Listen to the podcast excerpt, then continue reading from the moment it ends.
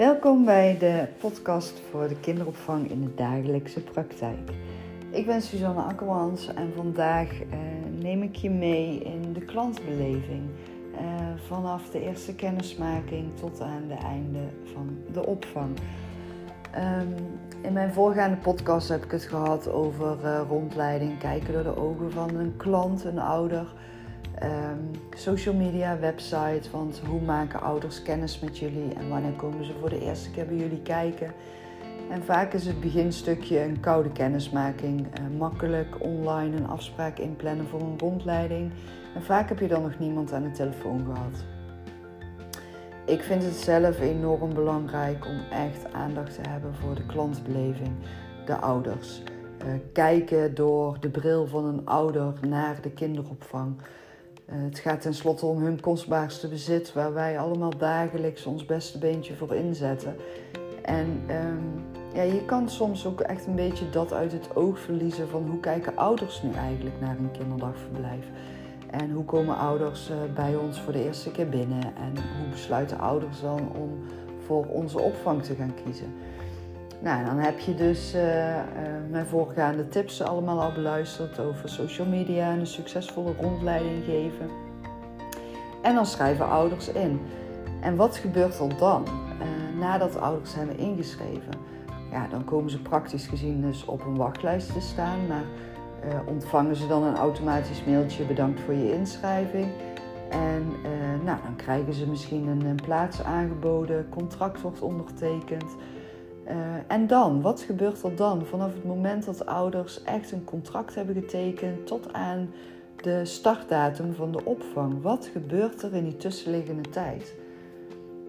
Hebben jullie daar ooit over nagedacht of bij stilgestaan? Um, kijk, want ouders zijn natuurlijk uh, zwanger. Uh, in hun zwangerschap zijn we ingeschreven. Nou ja, er komt al superveel op hun af. En dan hebben ze ingeschreven, een plaatsingsovereenkomst ondertekend. En uh, misschien is er al wel bij vier maanden of vijf maanden zwangerschap. Dus dan hebben ze nog vier maanden zwangerschap te gaan. ze hebben nog drie maanden dat ze vaak nog thuis zijn met hun kindje. Dus vaak zit er zeven maanden tussen de datum waarop ze hun contract hebben getekend tot aan dat de opvang van start gaat. Als ze dan in die zeven maanden tijd echt niks van jullie horen, dat is eigenlijk een beetje vreemd. Vind je ook niet? Ja, ik, ik vind dat heel vreemd. Um, wat ik dus heel belangrijk vind en uh, ook heb gedaan, is in die tussenliggende tijd daar aandacht aan besteden. Dus ouders in de tussenliggende tijd een nieuwsbrief sturen of een mailtje sturen.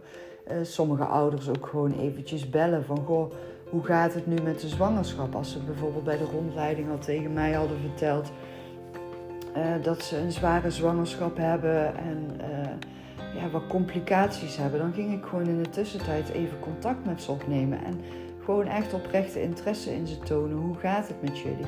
Als ik een geboortekaartje van ouders kreeg, dan kregen ze van mij ook altijd een felicitatiekaartje van het kinderdagverblijf. En niet alleen namens mij, maar heel, namens het hele team natuurlijk. Waar ik ook alle namen van de teamleden handgeschreven opschreef. Maakt het ook weer persoonlijk en dan kunnen ze ook alvast de naam leren kennen. Uh, ik stuurde ook uh, tussendoor mailtjes van hoe gaat het nu? Zijn er misschien nog vragen over? Um, over de procedure tot aan de start van de opvang. Wil je misschien nog iets weten? Als kindje geboren was en ik had een uh, geboortekaartje ontvangen, dan mailde ik ook van na ongeveer een maand van hoe gaat de kraamtijd? Zijn jullie lekker aan het genieten of is het één grote donkere wolk? Um, als een kindje te vroeg geboren was, daar interesse in tonen. Weet je, er zijn zoveel dingen ja, waar je vragen over kunt stellen. En het gaat er vooral om dat je al investeert in het opbouwen van die band met de klanten. En misschien denk je nou ja, hé, werkelijk, daar heb ik allemaal geen tijd voor. Probeer dan eens te kijken binnen je team wie super goed is in uh, de contacten met de klanten. En, en, zet daar die persoon dan op in. En, en, je hoeft niet altijd alles zelf te doen als leidinggevende of vestigingsmanager of uh, eigenaar. Je kan ook allemaal dingen uitbesteden aan je teamleden die dat ook super leuk vinden. En op die manier uh, betrek je ook echt je team bij jullie gezamenlijke missie. Dus dan verhoog je die betrokkenheid. En dat werkt gewoon super mooi als je het ook op die manier kan doen en, en door kan zetten. Um, en geef ook uitleg aan ouders tussentijds als ze die rondleiding hebben gehad uh, en ze hebben nog niet ingeschreven. Dat je gewoon even een mailtje stuurt of een keertje belt van goh, heb je nog ergens vragen over? Zijn er nog onduidelijkheden over? Dit is onze procedure. Zo gaan wij om met de inschrijvingen. En uh, als je een contract hebt getekend, start van opvang. Uh, op dat moment krijg je een uitnodiging voor een intakegesprek. En met die persoon heb je dan ook de intakegesprek. En is dat dan de vaste mentor van, jullie van het kindje, uh, van de nieuwe klanten? Uh, of ben jij dat als ondernemer? Of ben jij dat als leidinggevende? Of hebben jullie daar specifiek een, een vaste professional voor die alle intakegesprekken doet? Um, nou, weet je, het is allemaal uitleg wat je aan ouders mee kan geven, waar nieuwe ouders gewoon echt geen weet van hebben. En het draagt echt bij aan de vertrouwensband opbouwen. Waardoor ouders op de eerste dag dat ze hun kindje gaan wegbrengen, echt al veel meer het gevoel hebben van: hey, wij kennen jullie al. Het is iets minder spannend om ons kindje weg te gaan brengen. Nou ja, en dan heb je dus uh, dat intakegesprek en je hebt het wennen. Um, en dan start de opvang. Nou, daar ga ik in mijn volgende podcast uh, verder uh, inspiratie over geven. Uh, ik wil je weer bedanken voor het luisteren naar deze podcast. Ik hoop dat ik je weer heb weten te inspireren met nieuwe ideeën. Ehm, laat het me zeker weten ook. Ik zou het super leuk vinden als je mij gaat volgen. je abonneert op mijn podcast en ook mijn podcast wilt gaan delen, zodat ik heel de kinderopvang en alle ouders mag gaan bereiken met uh, mijn missie binnen de kinderopvang en binnen de opvoeding van kindjes van 0 tot 4 jaar.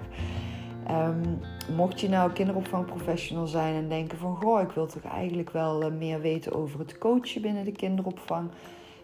weet dat ik ook een gratis e-book heb wat je gewoon helemaal gratis op mijn website kunt downloaden. op mijn Instagram profiel heb ik ook een link in mijn bio staan waar je mijn e-book gratis kan downloaden. Uh, ik heb ook een uh, heel laagdrempelig jaarprogramma voor uh, pedagogische coaches in de kinderopvang. Waarin ik je in 52 weken iedere week één mailtje stuur met inspirerende tips, een les, een opdracht, mijn ervaringen en mijn kijk op het coachen binnen de kinderopvang. Waardoor je echt in 52 weken heel laagdrempelig kunt gaan leren om echt die rust, plezier en persoonlijke aandacht en de enthousiasme ook voor de pedagogische coaching weet te bereiken. En zodat je ook echt weet van oké, waar kan ik nou weer op gaan coachen met mijn team. Um, de kosten daarvoor zijn 147 euro eenmalig. En uh, je kan mij ook benaderen voor een online coaching sessie. Dat is 50 euro eenmalig voor een uur. Uh, verder kun je mij ook offline uh, inzetten voor coaching en advies binnen de kinderopvang.